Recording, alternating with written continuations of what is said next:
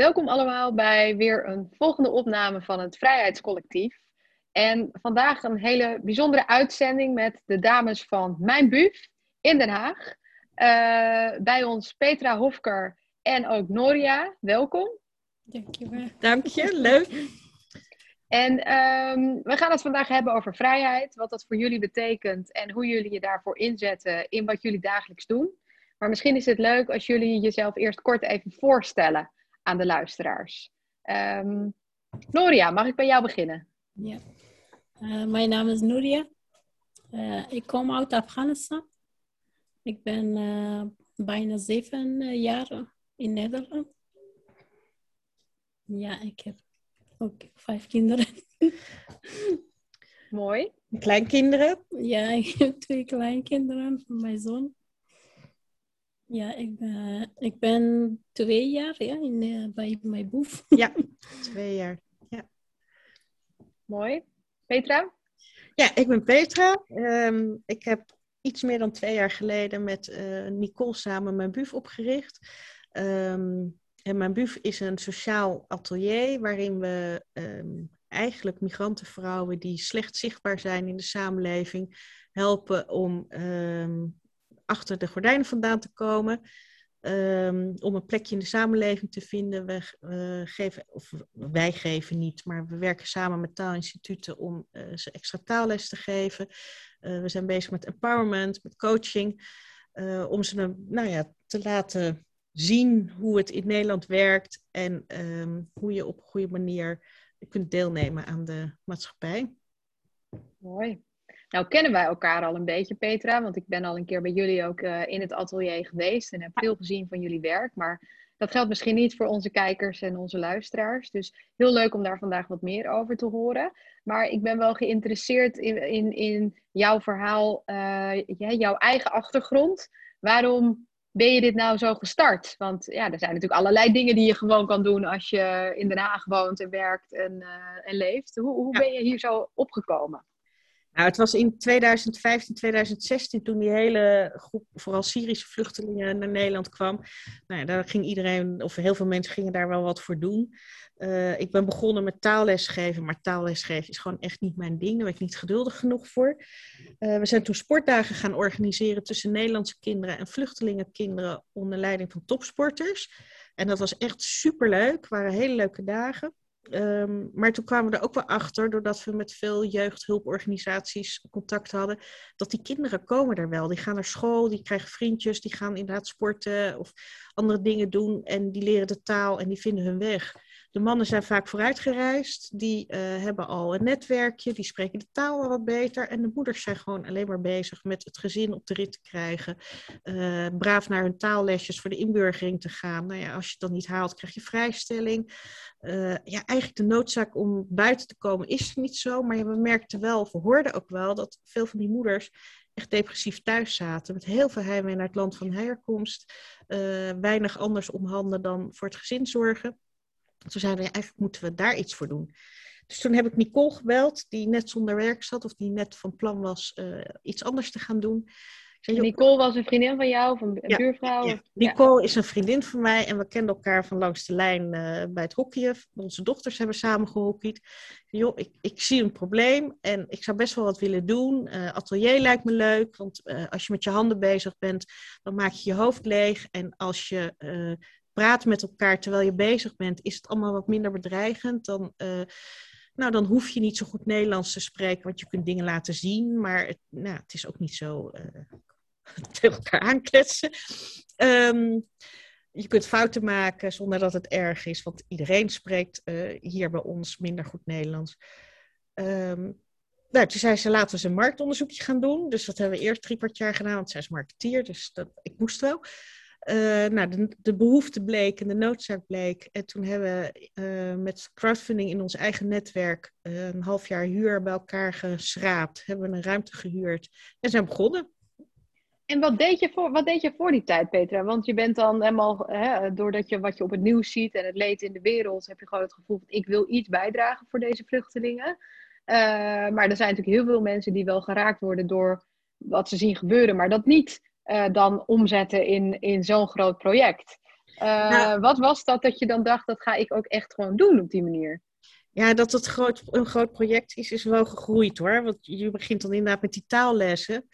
Maar uh, ja, van het een komt het ander. En je ziet toch wel de problemen waar die vrouwen mee zitten. En juist doordat ze een klein sociaal netwerk hebben en eh, ook de taal te weinig spreken, nou, dan ga je naar oplossingen toe. En dan denk je, ja, dan, dan moet er dus een maatje komen voor dit of hulp voor dat. Schuldhulpmaatje benaderd. We hebben taalinstituten benaderd. Dus het is echt wel gegroeid doordat we zagen dat er gewoon veel meer gedaan moest worden dan alleen maar uh, uh, knutselen met elkaar en Nederlands oefenen.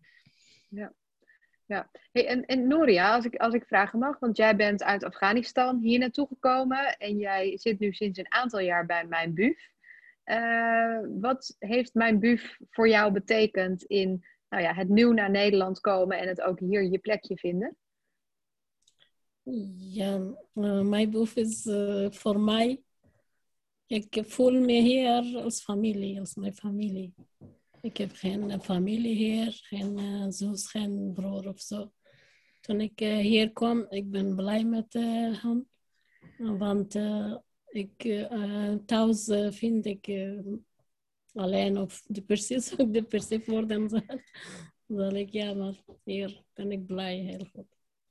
Ja, zij hebben jou opgevangen, maar uh, kun je ook zeggen wat je, wat je doet bij mijn buf? Want het is voor de luisteraars misschien leuk om een beetje een idee te krijgen van wat jullie daar met elkaar ondernemen. Hmm, wat doe je hier bij ons? ik, uh, eerste jaar kom ik uh, voor de stage, voor stage. Maar uh, toen ik uh, hier uh, naaimachine op bezoek gezien, dat was mijn hobby. Ik, ik hou van naaien altijd. Ik, ja. word, ik werd heel blij, want ik kan hier naaien. En ik, ik begon snel met de naaien hier. Ja. Ja. Ja, en, en ben je ook daardoor, heb je ook het gevoel dat je daardoor beter Nederlands bent gaan spreken, ja. doordat je bij mijn buf komt? Ja, ik ben heel, heel verbeterd geworden toen ik kwam hier. Uh, eerste, eerste persoon uh, had ik in een interview. ja, ja. voor ja. de radio. Ja, voor de radio, ja. Ik, uh, nu ik luister naar je radio en ik heel schaam mee. nu ook ben ik niet goed met Nederlands, maar daar, in, een paar jaar geleden was ik echt niet goed. Maar ik heb gepraat, ik uh, durfde hier om te praten. Ja. Nederlands te praten, ja. Ik uh, zal beter worden hier. Ja, vanochtend, goed, ja, nu. Vanochtend, beter, ga je gewoon. Ja, vanochtend vroeg ze hier aan tafel terwijl koffie zaten te drinken. Wat is nou het verschil tussen sowieso en überhaupt? Nou, dat, dat zijn vragen, dan, denk ik, dan, dan ben je toch wel heel erg met Nederland en taal bezig. Ja. Ja, want, want Petra, we hebben het daar ook wel eens over gehad. Want um, mensen die nieuw naar Nederland komen, die hebben natuurlijk moeten inburgeren. En daar leren ze ook de taal. Um, is jouw ervaring dat daar dan zeg maar echt nog veel meer bovenop nodig is? Want dit zijn toch ook vrouwen die wel ingeburgerd eigenlijk zijn. Maar dus echt nog wel die oefening in de praktijk missen. Ja, je moet echt de taal uh, blijven spreken, wil het niet wegzakken. We merken, vooral na de eerste lockdown, toen zijn we ook echt dicht geweest, uh, acht weken. Um, toen hebben we wel online wat contact gehad met de moeders met kleine kinderen. Ja, daar was gewoon de mogelijkheid niet voor om online nog iets te doen, want die waren alleen maar bezig met huiswerk maken met de kinderen. Um, en toen we die na die acht weken hier kregen, toen merkte je gewoon dat echt de taal was weggezakt. Dus je merkt dat als je alleen die taallessen, dat het niet voldoende is. Je moet het blijven oefenen. En ja, als je gewoon een klein netwerk hebt of alleen maar met uh, landgenoten, dan oefen je te weinig. En dan, dan is het zo weer weggezakt. En wat je ook merkt is dat veel uh, ouders graag met hun kinderen uh, de taal van het land van herkomst blijven spreken omdat ze daar alle familie hebben zitten. Dus ze vinden het belangrijk dat die kinderen ook met de familie daar kan blijven praten. Wat natuurlijk logisch is. En uh, ja, we proberen dan wel het advies mee te geven. Nou, praat dan aan tafel s'avonds alleen Nederlands. Dan laat je iedereen vertellen wat hij gedaan heeft die dag. Maar het is gewoon heel lastig, denk ik, om dat erin te laten sluiten. Omdat je eigen taal zo gewoon is. Ja. En kun je iets vertellen over hoeveel mensen uh, jullie op dit moment begeleiden bij mijn buf en hoe vaak de vrouwen waar je over spreekt dan ook echt bij jullie zijn om activiteiten te doen. Uh, want het gaat ook om het, het, het opdoen van werkervaringen, door dingen te maken met elkaar. Ja, ja. we maken echt bewust uh, met elkaar verkoopbare producten, omdat we zeggen van ja, het is hartstikke leuk als je een beetje vreubelt op kosten van de staat, maar dat is niet de bedoeling. Uh, we moeten allemaal een steentje, steentje bijdragen, dus alles, we proberen echt zoveel mogelijk zelfvoorzienend te zijn. Dat lukt niet helemaal en zeker nu in het begin nog niet, maar daar, daar streven we wel naar. Um, en voor corona was het uh, dat de mensen twee of drie dagen per week hier kwamen. En nu hebben we alles geconcentreerd op één dag. Dan hebben ze s morgens les en smiddags, uh, de paar uur daarna, werken we nog met elkaar. Zodat we elke dag een vaste ploeg hebben. Um, waarmee, ja, waardoor je toch het risico op besmetting en verspreiding zo klein mogelijk maakt. Maar ze wel kunt blijven zien, want we merken echt dat dat heel belangrijk is. Ja. En, en hoeveel vrouwen help je dan ongeveer? Op het moment hebben we er twintig. En we hebben wel een wachtlijst voor nieuwe deelnemers, maar ook daarvan zeggen we nu in coronatijd van ja, dan moet je weer zo intensief begeleiden. Dat is, uh, nou, dat is nu niet wenselijk. Ja, hey, en jullie hebben ook een prijs gewonnen, toch? Van de gemeente Den Haag. Ja, uh, waarom hebben jullie die prijs gekregen? Waarom hebben we hem gekregen? Weet je het nog, Nouria? Ik kan niet vertellen, maar ik nee, begrijp het. Ja, het is precies, precies een jaar geleden. Haagse Cartini-prijs, dat is een emancipatieprijs een, een, voor een, een, initiatief of een persoon die wat doet voor, uh, of veel doet voor de Haagse vrouwen. Ja. ja. Wereldvrouwen. De wereldvrouwen, wereld. ja. ja. ja. Hey, supermooi initiatief en ook heel bijzonder dat jullie dat zo eigenlijk vanuit het niets hebben opgezet en zeggen van nou dit moet ook zelfvoorzienend zijn. Ik heb uh, gezien jullie maken hele mooie tassen voor luisteraars en kijkers, als je uh, daar nog naar op zoek bent, of een mooi mondkapje, want ik heb er ook eentje van jullie, maar uh, ja. allemaal ook weer uit gerecycled materiaal, hè? vlaggen, reclamebanners, dus heel duurzaam doen jullie dat ook. Uh, dat is natuurlijk een hartstikke mooi en, en, en super positief verhaal. Maar ik kan me ook voorstellen, Petra, dat het ook uh, soms best wel moeilijk is. omdat er verschillen soms misschien groot zijn tussen de thuissituatie waar mensen uitkomen, de uitdaging die er nog ligt om de taal uh, te leren spreken en om mee te mogen doen, misschien soms überhaupt. Wat kun je me iets vertellen over de uitdagingen waar jullie ook voor staan? Ja, nou, je ziet inderdaad, ten eerste zijn het heel veel vrouwen. Als je, als je door wijken in Den Haag rijdt, ja, daar schrik ik soms van hoeveel mensen er nog zijn. Wij helpen maar zo'n klein, klein groepje vrouwen. Uh, en het, het, uh, traject is gewoon heel intensief. Dus je kunt ook niet heel veel, want dan mis je denk ik toch wel wat we nu hebben, alles op basis van vertrouwen. Uh, ze vertellen ons ook echt heel veel van hun problemen, dus je kunt ook veel gerichter helpen. Ja, dat kun je niet groot maken. Dus ik word er soms wel een beetje depressief van als je dan denk, bedenkt hoeveel vrouwen niet geholpen worden. Um, of in, op, een andere manier geholpen worden. Um, en hier is de uitdaging wel um, nou, toch wel om um, ze de, de intrinsieke motivatie te geven of te laten krijgen dat, ze, dat het belangrijk is dat ze voor zichzelf gaan zorgen. En, dat ze in ieder geval weten bij wie ze aan moeten kloppen als er problemen zijn. En daarvoor zoeken we ook wel samenwerkingen uh, met andere partijen die veel voor vrouwen doen. Ik geef ook voorlichting hier. En um, nou ja, als, als het nodig is, dan, uh, dan sturen we ze door. Of dan zoeken we contact. Dus er zijn heel veel organisaties die wat voor vrouwen doen. En het is heel fijn dat we daarmee goed kunnen samenwerken. Ook heel belangrijk, denk ik. Maar zeg je dan ook van er is ook een groep, van deze vrouwen die moeilijk misschien te bereiken is, omdat het niet vanzelfsprekend is, uh, misschien wel vanuit de cultuur, om uit huis te komen en, en te gaan werken? Ja, ja absoluut.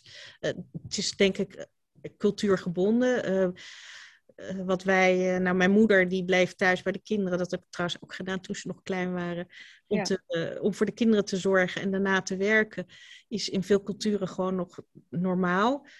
wat je ook heel vaak ziet, is dat de vrouwen toch verlaten worden door een man en achterblijven met die kinderen. Je ziet dan ook wel de tweespalt dat ze heel graag terug willen naar het land waar ze vandaan komen, waar ze dus familie hebben en er niet meer alleen voor staan. Maar dat die kinderen niet meer mee willen. Dus die, die moeders die worden eigenlijk een beetje verscheurd tussen het verlangen naar teruggaan naar je geboorteland en je kinderen hier. Um, dat maakt ook wel dat je minder snel uh, nou ja, nog, uh, of minder makkelijk, denk ik, nog contact zoekt en leuke dingen doet. Gewoon, ja, de situatie is gewoon niet heel vrolijk. Um, um, het is denk ik inderdaad wel cultuur, maar ook ja, toch de omgeving waar je, of het leven waardoor je in een situatie terecht bent gekomen waardoor je niet makkelijk meer naar buiten gaat. Als je, als je niemand kent, als je weinig netwerk hebt, je hebt geen werk, je spreekt de taal niet goed, ja, waarom wil je dan nog naar buiten? Dan is het vertrouwen gewoon wel het veilige. Ja. Noria, is dat, voor, is dat voor jou herkenbaar? Is dat iets dat jij ook even over hebt moeten twijfelen van kan ik naar mijn buf gaan en, en is dat wel goed voor mij om, om te gaan werken? Ja, ik, eh, ik, bet, uh, ik betrouw, uh, ik betrouw voor Nederlandse mensen dan, dan Aziatische mensen. ja, toen ik kwam hier, ik, ik, heb, ik ken niet de hond, maar over een week. Ja. Ja, in het begin jij, jij kende weinig Nederlandse mensen. En je bent hier naar mijn buf gekomen om, je, om meer mensen. Maar herken je ook dat het moeilijk was om naar een plek te gaan waar je niemand kent? Ja, er was uh, een keer, uh, ik was bij de MyBike geweest. Uh, in Turkse mensen gezet. met iemand heb ik gepraat waar, waar de school. Mijn kinderen moeten naar school inschrijven. En ik ken niemand hier de andere Turkse vrouwen komen en zeggen, praat niet met de, de, deze mevrouw, dat is gevaarlijk. Misschien uh, die liegen, die vrouw gaat liggen. Ik was echt bang eerst. Eh, toen ik uh, hier kwam, ik durfde alles toen ik mij, bij mij boven kwam. Ja, dat iedereen ook een beetje binnen zijn eigen groepje bleef misschien en het moeilijker vond, bedoel je ook te zeggen, om zich open te stellen voor andere andere dingen, omdat er ook een angst achter zat. Misschien ook wel voorstellen als je uit een land komt waar je wat moeilijker elkaar vertrouwt, omdat er misschien sprake is van, van onderdrukking of een overheid die je niet kan vertrouwen. Het ook wel weer moeilijker is om opeens uh, weer onderdeel te worden van helemaal iets nieuws. Uh, maar goed, goed dat, je die, uh, dat je die stap wel hebt gezet. Wat, wat is jouw droom, Noria? Wat, wat wil jij graag in, in het leven? ik, mijn droom was om eigen zaak te hebben of een winkel. Of, maar, een eigen zaak, ja. zeg maar, eh, Mooi. Moeilijk voor. Ja. Ik heb geen diploma, ik, heb, ik ben tot basisschool geweest op school. Ja. ja.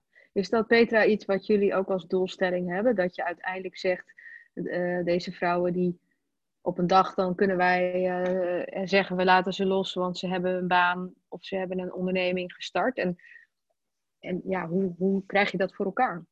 Ja, nou dat is zeker waar we over nadenken. En wij zijn, eh, de vrouwen en wij zijn met elkaar meegegroeid, hè, want we bestaan nu in, inderdaad iets meer dan twee jaar. Dus het is voor ons ook een zoektocht geweest, want we stel achter de keukentafel begonnen en gewoon geen idee. En we lopen ook tegen problemen aan van hun ook, waarvan je denkt dat het bestaat in Nederland. Dus we zijn heel erg met elkaar meegegroeid. En we zien gewoon dat zij nu ook wel toe zijn aan een volgende stap in, uh, in hun participatie. Uh, we hebben met gemeentelijke trajecten, of naar gemeentelijke trajecten gekeken waar ze in mee kunnen gaan. En daar hebben we ook mee gesproken. En dat, dat, ligt ook, uh, dat is ook de bedoeling dat ze een volgende stap gaan maken in een ander participatietraject. Um, we werken ook samen met uh, nou, bijvoorbeeld een schuldhulpmaatje, maar ook uh, Stichting Lotje. We hebben een kast van Lotje hier, waarbij ze bij ons binnen uh, de kast van Lotje gaan beheren. Maar dat wel misschien straks in hun eigen wijk kunnen gaan doen. Dus dat is dan geen betaald werk, maar wel vrijwilligerswerk. Wat we vanuit ons dan enthousiasmeren om dan in je eigen wijk dan straks ook te gaan doen. Um, voor degene die niet echt naar werk door kunnen of door kunnen groeien, dat ze wel blijven participeren. Dus ja. dan kijken we eigenlijk naar iedereen wat de kwaliteiten zijn en wat de talenten zijn. En uh, uh, we hebben ook met opdrachtgevers uh, die bij ons bedrijven, die bij ons tassen laten maken, vragen we ook aan van joh, wil je het hele bedrag betalen of zullen we ieder de helft doen en dat jullie wel een snuffelstageplek aanbieden aan degene die bij ons ja. mee hebben geholpen aan die tassen.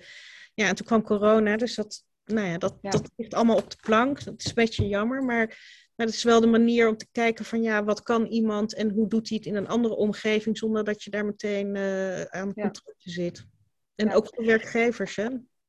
Ja, zeker. Ja, nee, dat is natuurlijk eh, echt eh, wat ik daar ook, ook over hoor van eh, andere organisaties, maar ook van werkgevers om een plek te bieden. Het is natuurlijk niet voor, voor niemand vanzelfsprekend dat het van vandaag op morgen lukt. En zeker niet in coronatijd. Dus heel knap hoe jullie, eh, hoe jullie daar zo in doorzetten.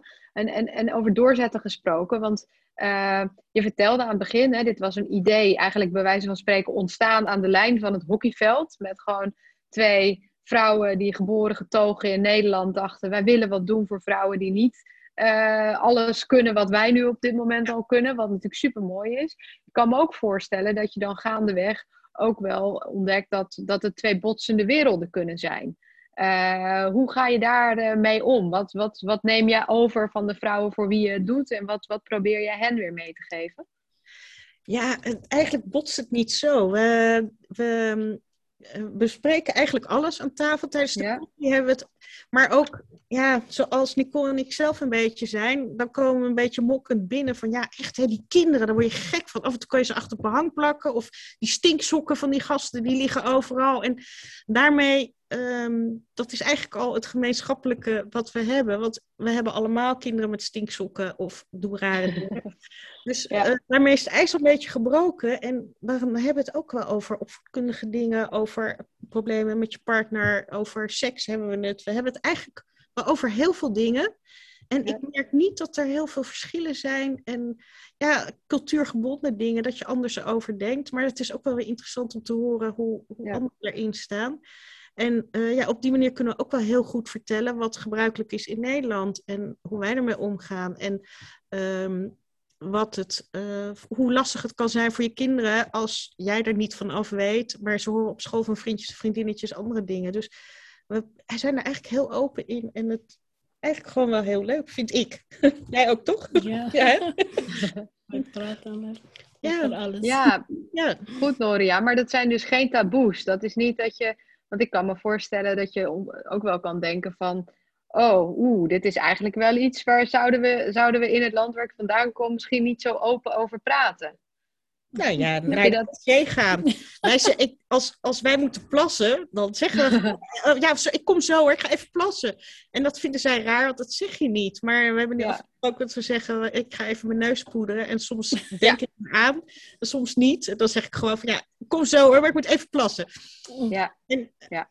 Maar ja, bij ons is de sfeer wel zo dat eh, het ook wel kan. Hè? Niemand wordt echt boos op elkaar. Of dat die, en, en als iemand iets niet leuk vindt, dan merk je het wel. Of dan zeggen ze het van ja, dat vind ik vervelend. Dus ja, de, die Ja. gelijkwaardigheid is er wel enorm. We zijn allemaal Ja. vrouwen en allemaal moeders. En eh, ja. waar je wiegje heeft gestaan is niet zo belangrijk. dus er zijn wel cultuurverschillen, zeg je. Maar, eh, want je zei net ook wel van. soms maak je ook wel dingen mee dat je denkt: God, dat het bestaat. Heb je ook wel eens iets heel hef- heftigs meegemaakt dat je denkt: ja, wat ik hier nu zie gebeuren, dat, dat kan ik misschien. Dat gaat mijn hulpverleningspet misschien wel te boven. Ja, ik ben natuurlijk helemaal geen hulpverlener. Dus ik, Nee. Nou, eh, nou ja, ook wel eh, huiselijk geweld. Ehm, ehm, en dat is niet in de huidige setting eh, echt aan de orde, maar wel vrouwen die gevlucht zijn voor partners die, die nogal losse handjes hadden en echt behoorlijk. En die daar ook wel eh, schade van hebben opgelopen. Ehm, ehm, ja, toch ook wel jong trouwen of met iemand trouwen die je niet meteen hebt uitgekozen zelf. Eh, in sommige gevallen gaat het goed, in andere gevallen niet. Ja, er zijn echt wel dingen dat ik denk van, oh, dat het nog bestaat. Maar goed, Ja. wij zijn in Nederland ook nog niet zo heel ver in, eh, in emancipatie. Of niet zo Ja. lang, zo ver. En hoe ga, je, hoe ga je daarmee om als dat soort dingen zich voordoen? Nou, ik laat wel merken dat, ik het, eh, dat het me wat doet. Ehm, ja, de verhalen zijn echt soms best wel heftig. Ja. Eh, maar ook wel, ik- ja, we hebben een meisje, een jong meisje, en dat had alsmaar buikpijn. Ehm, en toen zei iemand van, joh, eh, is ze niet besneden in de zomer? Ik, denk, "Jeetje, ik, ik heb geen idee, maar ja, gaat ze mij dat vertellen? Dus toen heb ik iemand anders uh, gevraagd die uit, nou ja, die ook uit Afrika komt, gevraagd van Jokke juist met haar gaan zitten om te kijken waarom ze die buikpijn heeft. Nou, daar kwam verder niets bijzonders uit, gelukkig. Maar het zijn wel dingen dat ik denk, ja, daar sta ik gewoon helemaal niet bij stil. Het is zo ver weg van waar wij vandaan komen. Ja. Ehm, ja, je leert er wel van. Ja, het is bizar. Hè? Het is, ja. We hebben in Nederland 41.000 vrouwen die, die besneden zijn. Ja. Ik was toevallig deze week nog even in het, bij het uh, Haga ziekenhuis. Ja, waar een hele...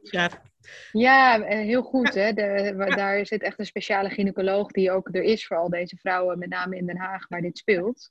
Uh, maar ik heb ook wel van jou begrepen, jij zit ook wel weer in dat soort netwerken voor als het nodig is, dat je ook wel echt die hulpverlening wel kan inschakelen. Ja, ja, ja, ja. Dat probeer ik wel. Ja. Ja. ja, we proberen gewoon echt zoveel mogelijk andere anderen erbij te betrekken. Want ja, met elkaar sta je gewoon veel sterker. En het zijn, zijn heel veel organisaties die, die iets voor vrouwen doen.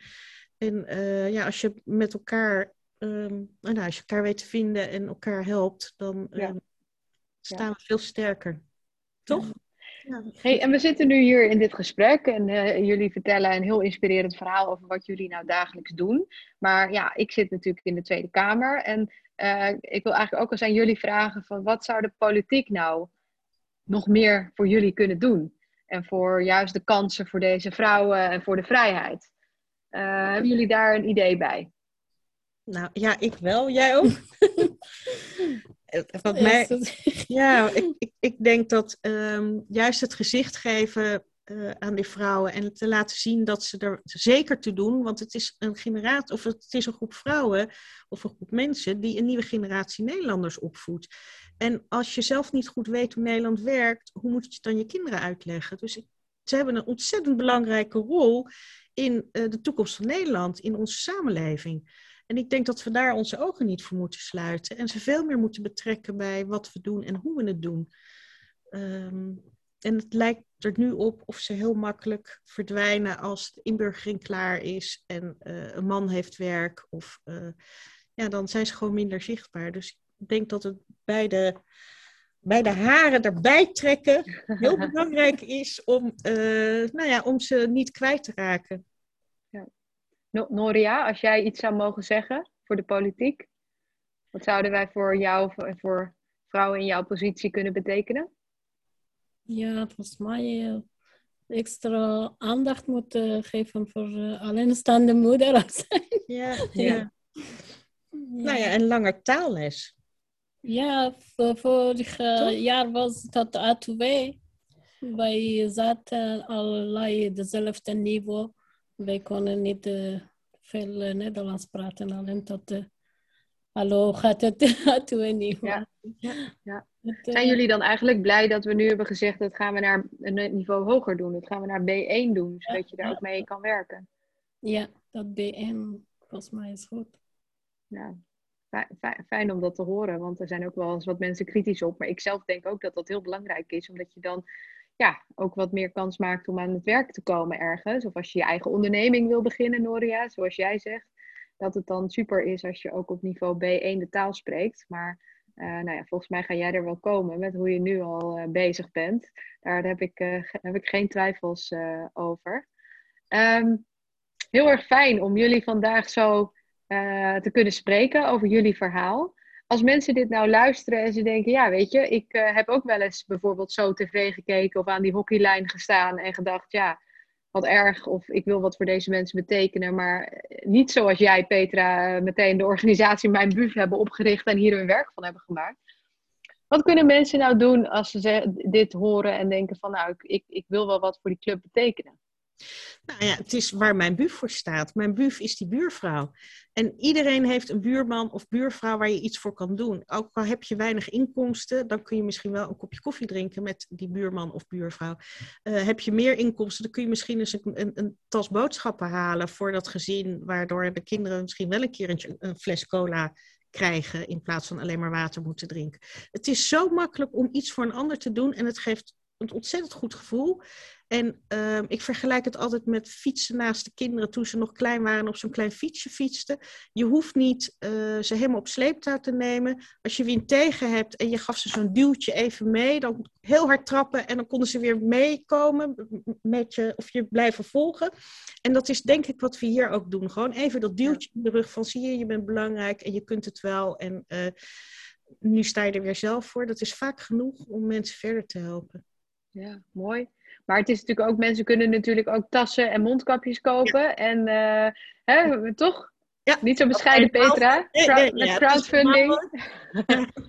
koop een tas, koop een mondkapje. Of als bedrijf laat je, laat je reclamebanners uh, recyclen. reclame voor de Dovio. maak, uh, ja, maak, uh, laat je bedrijfsbanners recyclen tot uh, relatiegeschenken. Dat doen er ook veel. Dat is hartstikke leuk voor ons, maar ook voor de bedrijven. Ja, want dat doen jullie. Hè? Als bedrijf kun je met je materiaal wat je niet meer nodig hebt naar jullie toe. En jullie maken daar dan een heel leuk aansprekend product van. Ja, ja. ja. Ja, leuk. Nou ja, ik heb zelf een heel mooi. een heel, ik, zal, ik heb het hier op mijn kantoor. Ik kan het misschien even laten zien voor de mensen die die dit ook meekijken. Maar voor de mensen die dat... Toen ik bij mijn buf was, heb ik dit tasje gekregen. Heel mooi. Kunstig gemaakt. Gekocht heb je net. Je hebt het niet gekregen. Je hebt je hebt het ik heb het gekocht. Zeker. Nee, tuurlijk. Want ik wilde ook zeker een bijdrage leveren aan mijn buf. Maar dit is een voorbeeld van een heel mooi tasje dat jullie maken. Maar dat staat denk ik voor ook de liefde en de aandacht die de dames die jullie helpen in, uh, in het materiaal steken. Maar ook de liefde die ze van jullie weer ontvangen om uh, dat duwtje in de rug uh, op die fiets uh, te krijgen om dan zelf weer heel hard uh, te trappen. Heel ja. fijn dat jullie, dat jullie vandaag met ons dit gesprek wilden voeren. Ik hoop dat heel veel luisteraars zich geïnspireerd voelden dat ja, het knokken voor de vrijheid heel erg klein kan beginnen met een idee. met, je, met je buurvrouw aan een hockeyveld. En dan zo een, een, club op te richten die voor vrouwen als Noria echt in hun leven het verschil kan maken. En ehm, volgens mij moeten we op die manier met elkaar samen ja, sterker weer dit land opbouwen uh, en het mooie land behouden waar zoveel mensen hun vrijheid hebben gekregen. En uh, nou ja, jullie verhaal is daar zeker een heel mooi voorbeeld van. Heel veel dank voor vandaag. Nou, jij ook bedankt. En als je weer mag, dan ben je welkom hè, voor een bakje bij mijn buf. Ja, nee, dat gaan, dat gaan we zeker doen. En uh, als je, ik weet niet of je nog een laatste oproep hebt voor de kijkers, of dat we zeggen tot de volgende. Tot de volgende keer. Dag Petra, dag Noria. Dankjewel. Dankjewel. Dag.